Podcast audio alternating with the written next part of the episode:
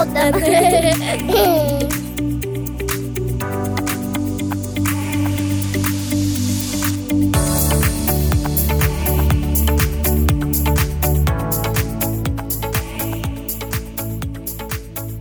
Välkommen till Järvsöpodden och Sociala företagspodden idag så har vi ett litet specialavsnitt där vi ska prata om socialt företagande. Och eh, med oss i studion så sitter Jakob Selén som driver och är verksamhetsledare för eh, Järvsö Resurs.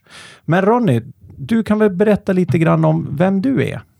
Ja, eh, jag heter Ronny Olsson och arbetar på Samordningsförbund Gävleborg i, som processledare för att utveckla socialt företagande i Gävleborg.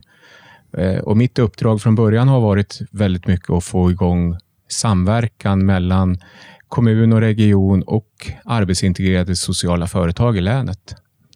Så det jobbar jag 50 procent med just nu. Sen så i ett annat projekt så har vi startat upp Sociala företagspodden. Då. Och vad är Sociala Företagspodden? Ja, det är Andreas Helgesson som är verksamhetsledare på Stenbackens arbets och boendekooperativ i Söderhamn. Som, eh, han och jag startade upp det här för att sprida mera kunskap om just samhällsentreprenörskap, socialt företagande, arbetsintegrerade sociala företag. Och Det är ett fantastiskt sätt att kunna sprida den kunskapen. Så vi intervjuar människor som arbetar i den sociala ekonomin runt om i Sverige med just socialt företagande och samhällsentreprenörskap. Då. Intressant. Vi eh, ska lyssna lite till Jakob också. Berätta gärna lite grann om vem du är, Jakob. Ja, Jakob Selén heter jag. Jag är ju Järvsöbo sen ja, i hela mitt liv och i många generationer bakåt i tiden. Och eh, har ju i ganska många år jobbat med människor som har det lite svårt att komma in på arbetsmarknaden.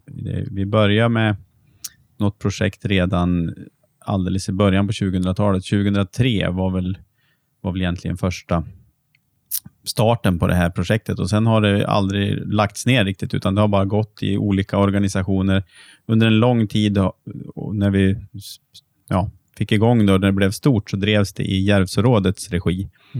Och sen blev det så väldigt stort så att det var, vart lite för stort för en ideell förening. Så 2017, då, första januari, så bildade vi Järvsö Resurs ekonomisk förening då, som är ett kooperativ som driver den här verksamheten som vi håller på med idag. Och Det är ju eh, ja, det är väldigt roligt. Vi har i dagsläget 13 heltidsanställda och eh, vi har sex praktikanter tror jag. Så vi, ja, vi brukar vara runt 20 stycken som jobbar här, åtta timmar om dagen. Så det blir väldigt många timmar gjort varje dag. Ronny, vad är då ett socialt företag? Ja, det är ett stort begrepp och försöka göra det enkelt eh, och förklara det. Eh, men alltså det är egentligen eh, personer som är samhällsentreprenörer som vill lösa ett samhällsproblem. Och, och man gör det i ett företagande. Det kan handla om miljö, det kan handla om arbetslöshet, det kan handla om psykisk ohälsa. Eh, men själva företagandet drivs man via empowerment, att, att man deltar i företaget. Och Det är därför de oftast är organiserade i, i kooperativ form. Då. Eh, så när man pratar generellt om socialt företagande så kan det vara samhällsentreprenörskap. Eh, Och Det kan också vara ett arbetsintegrerat socialt företag som Järvsö Resurs är. Då, Som har som en, en del i sin affärsmodell att arbetsintegrera människor som står långt ifrån arbetsmarknaden av olika anledningar. Då, för att de ska komma i egen försörjning. Då. Men hur vanligt är det med sociala företag och varför behövs det då? Eh, i, I Gävleborg så finns det ungefär cirka 30 stycken arbetsintegrerade sociala företag. Och Då pratar jag just om det som Järvsö Resurs som jobbar med huvudsak att arbetsintegrera.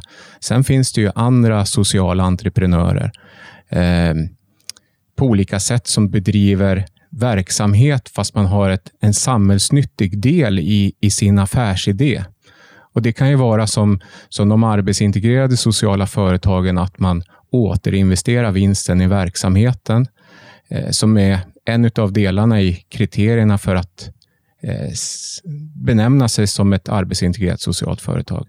Alla företag måste ju gå med vinst, men här kan man ju då gemensamt besluta om hur man ska använda vinsten. Det kan ju vara att köpa in en Skylift för att man vill utveckla affärsverksamheten mera för att kunna komma åt den marknaden bättre och kanske via den affärsidén skapa fler anställningar. Mm. Men Jakob, hur har ni gjort då här på Järvsö Resurs? Hur ser det ut med, med ert liksom, eh, verksamhet och eventuellt vinst och så vidare?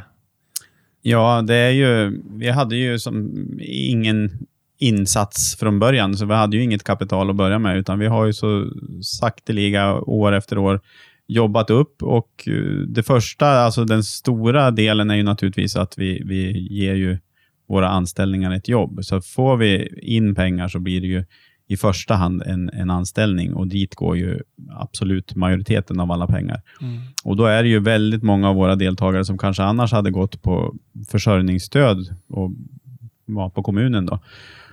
Och De har ju nu fått en, en riktig, ett riktigt arbete, en, en, en tjänst. Vi har också kollektivavtal och de har riktigt bra lön och så, de som jobbar hos oss. Mm. Så det är det första. Men sen naturligtvis för att verksamheten ska fungera så köper vi verktyg, vi köper fordon. Och just en, Det senaste då är ju att vi har skaffat en skylift så att vi ska kunna göra, hjälpa människor med jobb på lite högre höjd. Mm. Vi har också utbilda stordelen av personalen, så de har också nu Skylifts körkort. Mm. Det, vi är väldigt noga med att det ska vara rätt utbildningar på personal. och så.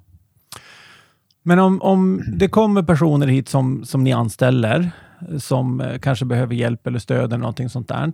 När de har varit där ett tag, finns det någon möjlighet att de avslutar anställningen och får jobb någon annanstans? Ja, det är ju det som är själva, det Ronny var inne på, arbetsintegrering mm. i det här. Då, för det är ju ett arbetsintegrerat socialt företag. Och Det beror på att arbetsintegrering är ju en del av vår affärsidé också, att vi tar in människor på praktik, på arbetsträning, på olika sådana saker. Då får vi ju, lika som alla andra företag, en viss peng för att man gör den tjänsten. Och De flesta som kommer till oss på praktik eller arbetsträning får faktiskt jobb i andra företag. Den mindre delen får ju jobb hos oss. Men eh, eh, väldigt, det är väldigt långsiktiga jobb. De som får jobb hos oss brukar ofta vara kvar väldigt länge. Mm. Det finns vi har några stycken som har fått anställning hos oss, var hos oss ett tag, men vi har hyrt ut dem till olika företag i bygden här som har tyckt att de var så bra så de har velat ta över anställningen. och då då, då släpper vi direkt, för vi, vår grej är ju att liksom lyfta människan. Och, mm. och, så det går ju, alltså det, individens bästa går ju före företagets på något sätt i vår affärsidé. Mm. Så vi, vi vill ju att de ska få det så bra som möjligt. Ronny, om vi pratar om individernas behov och samhällets behov och marknadens behov.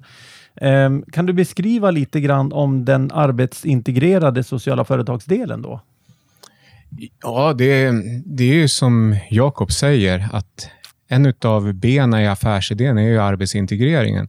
Och det är det här som de arbetsintegrerade sociala företagen är fantastiskt bra på. Att få människor att lyfta, som, som Jakob säger. Och där är ju att vi har alla våra vägar till jobb, mm. kan man säga. Mm. Och, och, Vi kommer med olika förutsättningar. Men jag har ju jobbat sedan i slutet på, eller början på 2000-talet när jag var verksamhetsledare på Kraftkällan i Hudiksvall som också är ett arbetsintegrerat socialt företag. Och det, det är väldigt spännande att se olika människors resa i företaget mm. Och vilka kompetenser faktiskt många människor besitter. Och Det är just den delen som arbetsintegrerade sociala företag är så bra på att lyfta fram de här olika delarna i människor och just som Jakob säger, att flytta dem vidare. Och Behovet är ju jättestort utifrån ett samhällsperspektiv. Att mm. Vi behöver ju flytta människor ifrån arbetslöshet och, och bidragsförsörjning till riktiga arbeten. Och Det är ju utmaningar för alla kommuner att få skattebetalare mm. än att, ha, att man befinner sig i något typ av bidragssystem. Och Vi vet ju också att psykisk ohälsa av att inte ha ett arbete är ju också stort. Så just arbete är ju en jätteviktig del för varje människa, att ha en tillhörighet. Och, och där gör ju de arbetsintegrerade sociala företagen ett jättejobb. Men då tänker jag ju direkt så här, vad är det Arbetsförmedlingen då inte ser och klarar av när jag ser att Jakob klarar av att göra jättestora insatser med de här människorna när de kommer till er? Alltså, kan du berätta lite om Arbetsförmedlingens liksom, arbete då?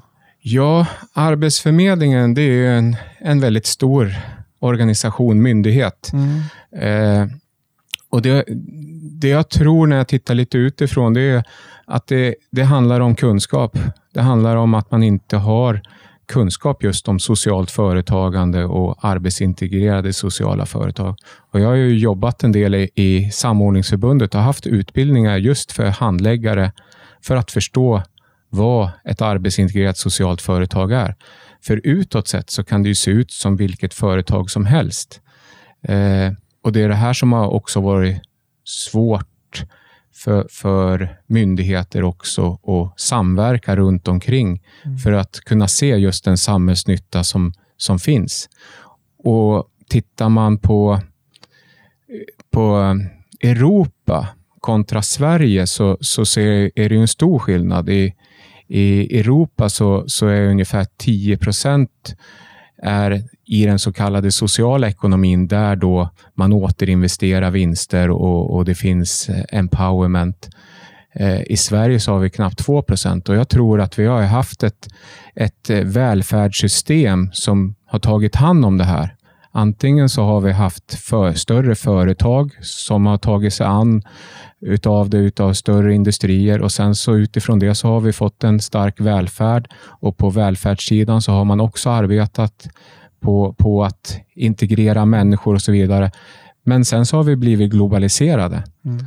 och, och, då behöver vi som Europa, när man inte haft de här välfärdssystemen, så, så finns ju den bristen i Sverige. Och det, det är där jag ser att den sociala ekonomin och socialt företagande växer sig starkare och starkare utifrån den omställning vi behöver göra också. Att ska vi ha ett jämlikt samhälle så är det ju viktigt att man har jobb och man kan försörja sig för att man ska kunna ta del av samhällets alla olika delar på olika sätt. Mm. Så, så socialt företagande och arbetsintegrerat socialt företagande är ju viktigt. Och här har ju alla myndigheter ett jobb att göra, att lära mm. sig förstå den sociala ekonomin. Mm. Jakob, vad säger du om det? Vad, vad har, går dina tankar nu när du hör Ronny förklara lite hur det ser ut från Arbetsförmedlingen och hur de behöver tänka framåt? Ja, han har ju alldeles rätt i det. Och vi, men vi måste ju också säga att Arbetsförmedlingen har ju varit fantastisk hjälp för oss. Det är ju tack vare Arbetsförmedlingen, eller vissa på Arbetsförmedlingen, som faktiskt förstår vad vi håller på med och som verkligen har, har gjort rätt. Liksom. Det är de som gör att vi har kunnat lyckas så pass bra som vi har gjort. Sen finns det många på Arbetsförmedlingen som inte förstår, som skulle kunna ha gjort bättre förstås.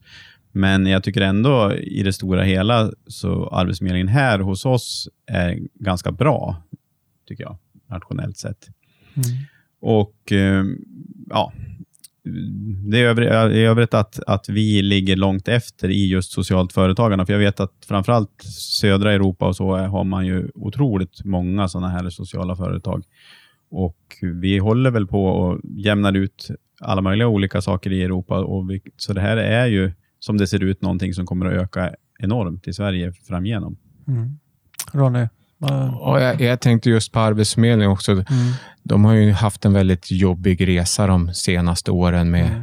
om, ja, olika reformeringar och så vidare. Så, så, och Det är lite synd i det arbetet just utifrån arbetsintegrerat socialt företagande att en sån stor myndighet befinner sig i en förändring mm. som jag tror har påverkat eh, socialt företagande lite negativt. Mm.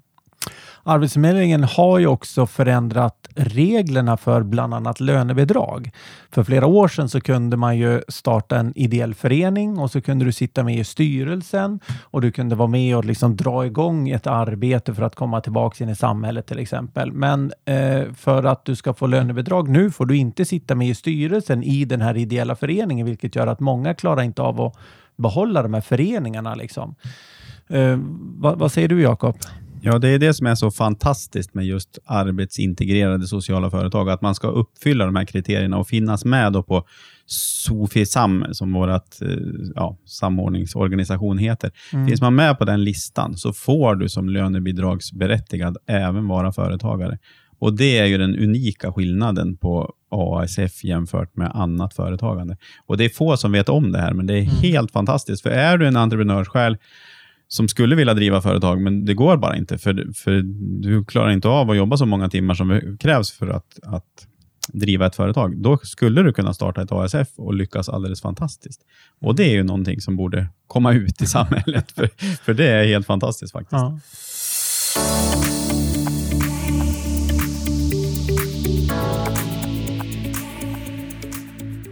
Sofisam, vad är det? Eh, Sofisam är en, ja, det är en sida på nätet mm. som ägs av eh, Tillväxtverket, Försäkringskassan, Arbetsförmedlingen eh, som driver den, där då man beskriver vad, vad socialt företagande är. Mm. Eh, mycket kopplat mot just arbetsintegrerade sociala företag.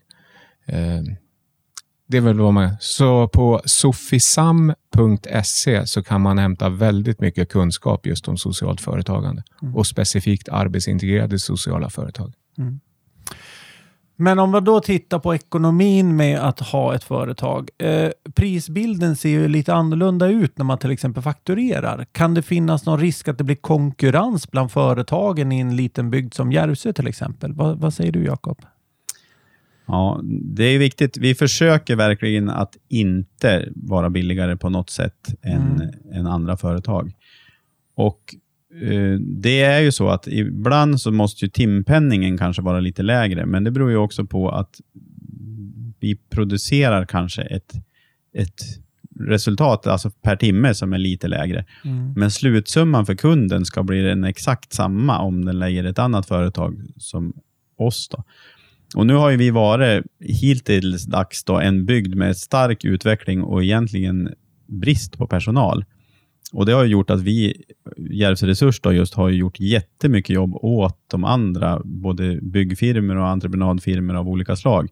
Så att jag skulle säga, hittills så tror jag att det är tvärtom, att vi inte ses som någon konkurrent, utan som en resurs, som vi också heter, mm. för mm. de övriga företagen. Och Så vill vi också fortsätta vara. Är det någon som känner att, de, att vi känns som en konkurrent så, så vill vi gärna veta det, för det, det är ju inte, det är inte vår mening. Liksom. Nej. Men samtidigt så är det ju det att vi sysselsätter också människor som, som annars belastar vårt samhälle liksom då med bidragspengar. Och Det är ju också en väldigt viktig ja, det är en väldigt viktig sak för hela samhället. Vi får bättre ekonomi i, i hela kommunen om, om vi kan sysselsätta de här människorna. Mm. Du säger att, att ni, ni har köpt in en Skylift. Alltså, det verkar som att ni har ett ganska stort verksamhetsområde. Kan du berätta lite vad Järvsö Resurs gör då? Vad har ni för, liksom, för uppdrag eller vad har ni för tjänster som ni erbjuder? Ja, det är det där som är också den här arbetsintegrerade sociala företagsidén, att vi, vi utgår ifrån individerna. De kommer till oss och vi frågar vad är du bra på? Och mm. Sen bygger vi verksamheten utifrån individens kompetens istället för att vi går ut och liksom försöker hitta jobb och sen hitta arbetskraft. Utan vi hittar ju arbetskraften först och så anpassar vi verksamheten efter arbetskraften. Och, och, Då blir det lite annorlunda. Jag upplever som att det blir ett roligare jobb, liksom, mm. för alla får ju hålla på lite med det de ty tycker om och brinner för. Mm. Men det är ju som sagt väldigt brett. Vi, och Många vill ju hålla på med vaktmästerisaker. Vi har mycket städjobb, flyttjobb, ja, trädgårdsjobb, en del administrativt. Vi har en kille som jobbar med släktforskning och vi har det är väldigt, väldigt brett. Det är, mm. Så är det ju. Liksom. Här behöver man ju liksom inte utbilda folk utan eh, som Jakob beskriver så, så eh, anpassar de i verksamheten efter personerna som kommer. Du utbildar i socialt företagande Ronny. Vad är det du utbildar då? Det är nästan ett eget program, bara det. Ja. Eh, Men alltså, eftersom eh, det saknas kompetens runt omkring det generellt socialt företagande, så, så på myndighetssidan så, så är det ju specifikt utifrån att förstå vad, vad socialt entre, entreprenörskap är för någonting. Eh, och Jag har ju även utbildat och startat upp arbetsintegrerade sociala företag. Och Då har det handlat mer om att lära sig en företagsstruktur, precis som vilket företag som helst. Lära sig att ha en affärsplan, en affärsidé, eh, göra budgetar, eh, lära sig förstå skatter och sociala avgifter. Eh, det som är lite annorlunda eh, det är också att det är väldigt mycket föreningskunskap eftersom det bygger på demokratiska grunder, är oftast organiserade i en mm. ekonomisk förening, så blir det ju väldigt mycket styrelsearbete, mm. förhållningssätt.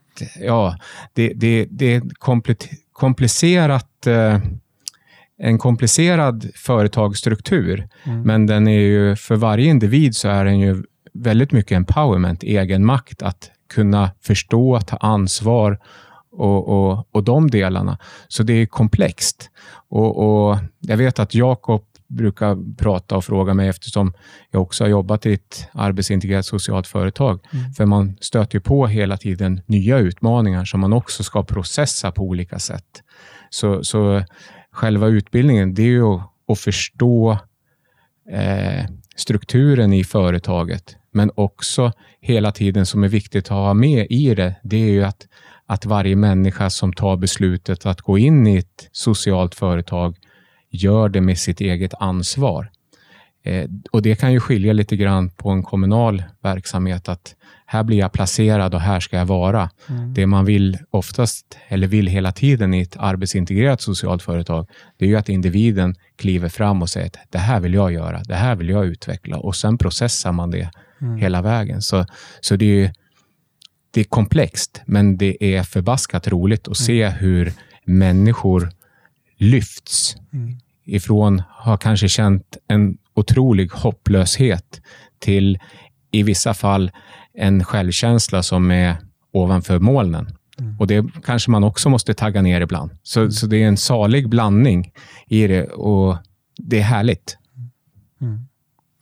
Och för individen, Jakob, det måste ju också vara väldigt skönt för dem att de också har en social del när de kommer till jobbet. Det blir ju inte bara att de, de liksom kommer igång och har ett arbete och inte längre behöver kosta kommunen någonting utan att de faktiskt betalar skatt och så vidare. Men du har ju också en social del med arbetskamrater och att de liksom har någonting att prata om när de kommer på måndag morgon. Ja visst, och, och det är ju det här som kanske driver mig och får mig att fortsätta. Jag hade nog säkert kunnat haft ett annat jobb inom ett vanligt företag lika väl. Men eh, just att se de här hopplösa människorna, eller de som känner sig hopplösa, och så jättelågt självförtroende, få komma in i en grupp och växa som individer. Och helt, alltså, det är helt fantastiskt att vara med om den resan gång på gång med olika individer. Faktiskt. Så det, det är lite av min drivkraft i det här. Finns det, finns det tillräckligt med underlag här i Järvsö för att du ska kunna fortsätta vara verksamhetsledare för Järvsö Resurs om ni utbildar dem och ni lär dem ta körkort och grejer och de går vidare till andra företag? Oh ja, det finns jättemånga i målgruppen. Mm. Just nu är ju de allra flesta ja, många är ju öppet arbetslösa så att säga, men många är också i kommunens arbetsmarknadsenhet eller på Samhall eller på liknande sådana. Och jag tror, eftersom jag brinner för just den här delen, då, så tror jag att det här är en för samhället mycket bättre form att bedriva den här typen av verksamhet. Så jag skulle nog säga att vi skulle kunna vara många fler sådana här företag i vår kommun och det skulle bara bli bättre för alla. Liksom. Och Det är ju det som Ronny också pratar om, hur det ser ut i övriga Europa. Att där är det här ja, 10 procent av hela, hela samhällets omsättning omsätts i den här typen av företag. Och det är ju jätte, jättemycket. Liksom. Men Ronny, vad behöver vi göra då för att komma upp i samma siffror som Europa? Ja, det är ju få mer kunskap om vad det handlar om. Mm. Eh, det är så, jag kan se att eh, vi är bara i en linda av en samhällsförändring. Om man tar in det som händer just nu med corona så kommer vi stå inför otroliga utmaningar. Om man tror på, på de som vet nu, om man pratar om en arbetslöshet på kanske 14-15 procent inom ett år, så, så kommer det här vara otroligt viktigt. Mm. För de utmaningar som... Det är det som sociala företag är bra på och, och samhällsentreprenörer, att, att ta sig an eh, samhälls, samhällsenliga utmaningar och, och förändra, förändra det. Mm. Och, och där står ju vi hela tiden egentligen utav förändringar. Det har ju varit jättestora förändringar om man ser Järvsö som bygd. Bara när jag flyttade hit 1982, när det var en kommunal skidbacke och så vidare. Och en eh, hockeybana som var naturis som man spelar. Så liksom, det är hela tiden förändringar. Och, och det finns ju i Järvsö, skulle jag vilja säga, just utifrån företags, eller föreningskultur och företagsanda, så, så har det alltid varit att eh, det här löser vi. Och det är ju också att vara en samhällsentreprenör. Hur får vi till en islada? Jo, så här gör vi. Mm. Och så kör vi. Och det är också samhällsentreprenörskap. Järvsö Resurs var ju en del av Järvsörådet tidigare. Var du med när de drog igång det här då? Ja, absolut. Jag har varit med sedan Järvsörådets start en ja. gång. Ja. Och ehm, ja, och det var ju så. Järvsörådet behövde ju, det var väl egentligen så det började, att Järvsörådet behövde liksom ekonomi för att kunna göra de här Eh, samhällsnyttiga sakerna på byn och, och lite så. Men eh, eftersom resan gick och vi fick lära oss en väldigt viktig läxa, det var ju Ronny och hans kollegor som utbildar i socialt företagande. Då, då sa vi, ja men vad gör ni för jobb? frågade de. Ja men vi är ute och, och gör samhällsnyttiga saker. Ja men tar ni betalt för det då? säger de. Nej, men då är ni ju riktigt elaka. Jaha, ja men förstår du inte att om inte ni tar betalt, då kan ju inte ni anställa den här personen som gör jobbet. Mm. Och där fick ju vi en väldig liksom, aha-upplevelse. Ja, just det, har du ju rätt i. Och från det så började vi ta betalt och helt plötsligt så kunde vi anställa. Istället för att ha noll anställda så har vi som sagt 13 heltidsanställda nu. Och det är ju den enda lilla skillnaden. För vi hade ju kunnat fortsatt sprungit runt och gjort gratisjobb ut på Mm. byn. Men det funkar ju inte i längden. Och arbetsförmedlingen blir inte så positiv heller om vi tar in en massa praktikanter och så blir det ingen som får jobb. Nej, Då blir det ju liksom inget bra Nej. på något vis för någon. Och sen vi kom på det där att ja, men det är väl klart att människor ska betala för det jobb som de får utfört. Då blev det ju jätte, jättebra allting. Jakob, det har varit en väldigt mild vinter. Det har varit lite snöskottning. Det har varit eh, en, en kall vår. Det är ingen gräsklippning och så kommer corona på det. Hur klarar ni er? Ja, det är ju tufft naturligtvis på olika sätt, men eh, vi har ju som jag sa tidigare inte just någon direkt affärsidé, så Mm. därför så är vi otroligt snabb på att ställa om till nya, Mm. ja, nya affärsmodeller och idéer. Och Mm. just nu har vi ju, det vi inte hade någonting av, det är ju att köra ut saker eller hjälpa äldre, äldre personer som inte vill gå utanför dörren och handla och ja, Mm. hämta och fixa och göra saker åt dem. Till exempel, det har ju blivit lite mer. Och sen har vi ju,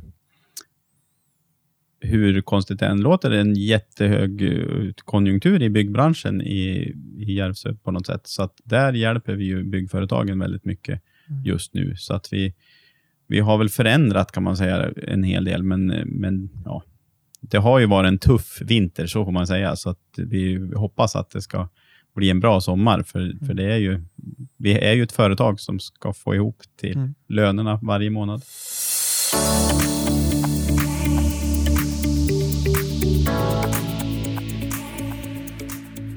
Ronny, du är ju Järvsöbo va? Från början. Ja, Ja. Jag, jag är ju en konstig hybrid sådär, men alltså, jag är född i Stockholm, men jag kom upp till Järvsö när jag var 12. Mm. Sen så bodde jag här eh, fram till jag var runt 19. Sen så har jag bott i Stockholm och Gotland och Mm. senaste tiden har jag bott ute i Hudiksvall. Men för två år sedan flyttade jag tillbaka hit. Mm. Mm. Vad var det som gjorde att du flyttade tillbaks?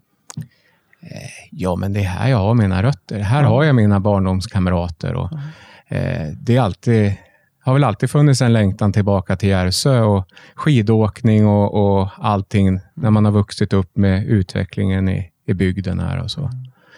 Och jag gillar ju just, och det är väl kanske det som jag har fått med mig när jag tänker efter just med, med, med socialt företagande. Det finns så mycket föreningskultur i Järvsö. Man organiserar sig föreningsmässigt som Järvsörådet och så vidare. Det är stor skillnad när, när man har bott ute i Iggesund ett tag, där det finns den tydliga bruksmentaliteten istället. Att det hela tiden är någon annan som ska göra. Och, och Jag gillar ju när människor tar egna initiativ och, och främjar en positiv utveckling. Och den finns ju verkligen i Järvsö. Ja det, ja, det gör det. Absolut. Och det är fantastiskt. Och Jakob, du är, du är Järvsöbo eh, långt tillbaka. Förutom någon skoltid när du var borta. Men sen har du varit tillbaka här. Vad har du, vad har du gjort förutom eh, Järvsö Resurs här i, i bygden? Ja du, jag har ju... Eh, ja, jag utbildade mig ju då en gång till VVS-ingenjör Mm. då. Och som, ja, jag ville ju, innan jag satte mig på ritbordet och började rita rörledningar och ventilationskanaler på papper så tänkte jag att jag måste ut i verkligheten och se hur det fungerar och sökte då en, en liten praktikplats på Järvsö Rör som var stora rörfirman här i byn. Mm. Och Det här var ju 1993 och ni som var med då vet att då rasade hela ekonomin ihop på Mm. kanske ett annat sätt än just nu, men det var total katastrof. Det var ja, byggbranschen total kollapsade och, och just rörfirmor och elfirmor och så här omkring, de gick ju konkurs på löpande band. Mm. Och så också då Järvsö Rör gick ju omkull och då Mm. var det ju alla rörmontörer där och så skulle ju bli arbetslösa och det var ju lite tråkigt. Så då tog jag och en av rörmontörerna och startade upp HJs Rör då, som det hette och där var jag, eh, ja, drev det tillsammans med Hasse då i sju år var jag där och gjorde det. Vilket gjorde att jag var tvungen att lära mig allt om alla stugor och hus i den här bygden. Precis vart de låg och vilka vattenledningar och avloppsledningar de hade. och Så, där.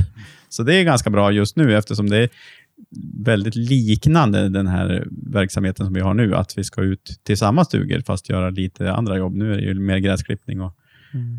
rensning av rabatter och hängrännor och, och sådär som vi håller på med. Mm. Men eh, det har jag hållit på med och sen eh, så sa min far när han skulle fylla 55 att han skulle gå i pension.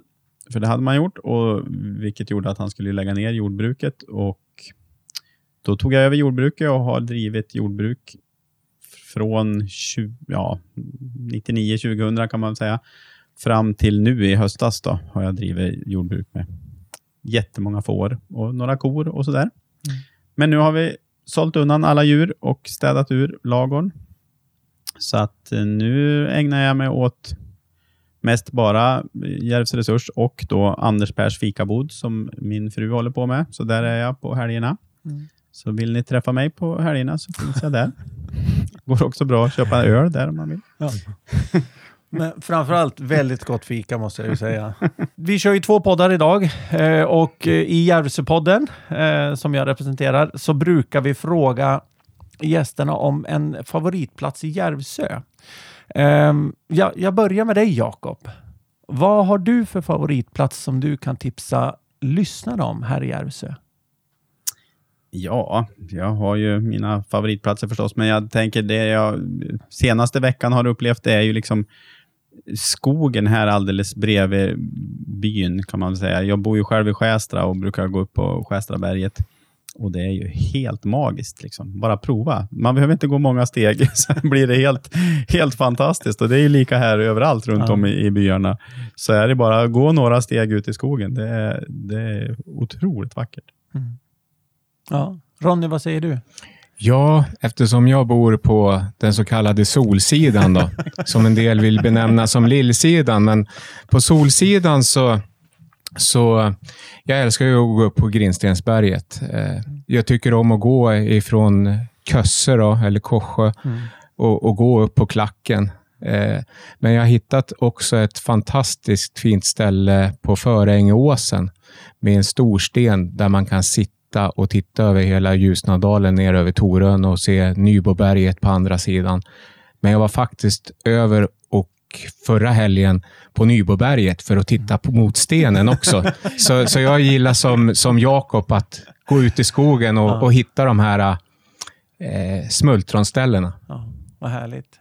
I Föringe, de har väl gjort en eh, grusväg upp där, ute i Föringe. Precis. Ja. Följer man den hela vägen upp? Följer den hela vägen upp Ja. och sen så tar man lite till, till vänster om man kommer därifrån. Ja. Då kommer man ut på ett hygge med en stor sten. Den, där är det fantastiskt fint. Nu vet alla var de ska. I eran podd då? Eh, socialt före, den sociala företagspodden. Mm. Vad, vad brukar ni avrunda med? Har ni något speciellt ni brukar köra? Nu har inte du, få- du har ju inte din kollega här idag, Nej, tyvärr. och det, Nej. det är faktiskt Andreas som brukar vara bra på att- runda av och sådär. Eh, så jag har inget bra tips, men jag tänkte ju ställa frågan tillbaka till dig. Eh, hur kom det sig att Järvsöpodden kom till?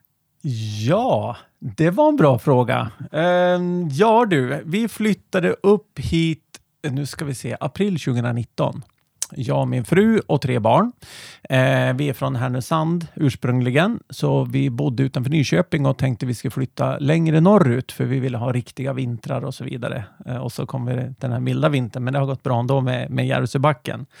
Eh, och ehm, jag är, jag är väl kanske lite av en entreprenör. Jag tycker om att dra igång saker. Jag gillar att ha många bollar i luften. Jag jobbar mycket med media, mycket med webbsidor. Jag fotar väldigt mycket och har en gammal discjockey-bakgrund. Så att det här med ljud har ju legat mig varmt om hjärtat i många år. När podden började komma så, så eh, ja, alltså jag, jag fastnade för podden. Jag tycker det var roligt. Och jag... Eh, eh, jag hjälper två andra poddar med produktionen och sånt där. Så att när vi kom hit så såg jag att det finns fantastiska människor som håller på med video, som håller på med foto, med webbsidor och grejer. Och jag tänker liksom inte klampa in och trampa någon på tårna. Men däremot så fanns det ingen podd. Så då tänkte jag, men det är klart vi ska ha Järvsöpodden.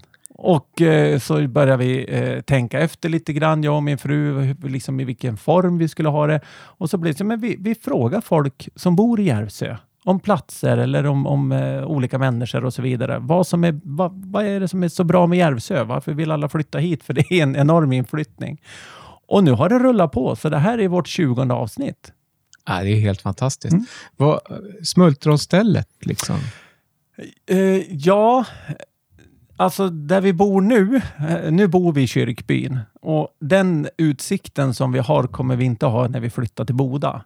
Men det är ju fantastiskt vackert att bara sätta sig på täkten nedanför eh, och titta ut när solen kommer upp eh, eh, ovanför ditt hus På Solsidan. på Solsidan. och så ligger Ljusnan alldeles blankt och så ser man liksom eh, klacken till vänster och så kyrkan till höger. Så att ba bara gå och sätta sig här nere liksom eh, eh, på täkten i, i kyrkbyn är, är fantastiskt vackert. Sen cyklar jag ju och har ju varit och cyklat på, på lederna i Skästraberget och det är ju lite fina utsiktsplatser där och vi har varit och cyklat lite överallt. Och ut i skogen. Det är så fantastiskt vackert här. Och det, spe, det spelar ingen roll vilken sida man är på. Om man är på, på Skästra-sidan eh, där och går omkring eller om man är på den andra sidan. Så det, det är fantastiskt vackert här. Det, det är det. Och just eh, Järvsö, men jag vill ju också slå ett slag för Ljusdals kommun.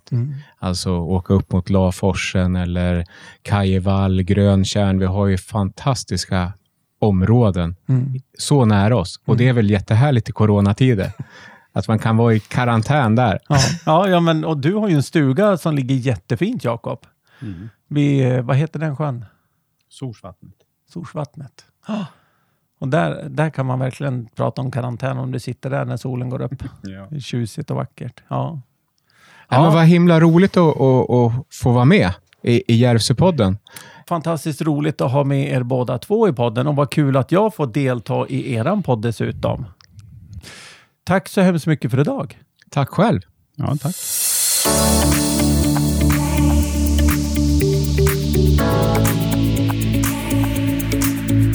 Hjälpsepodden!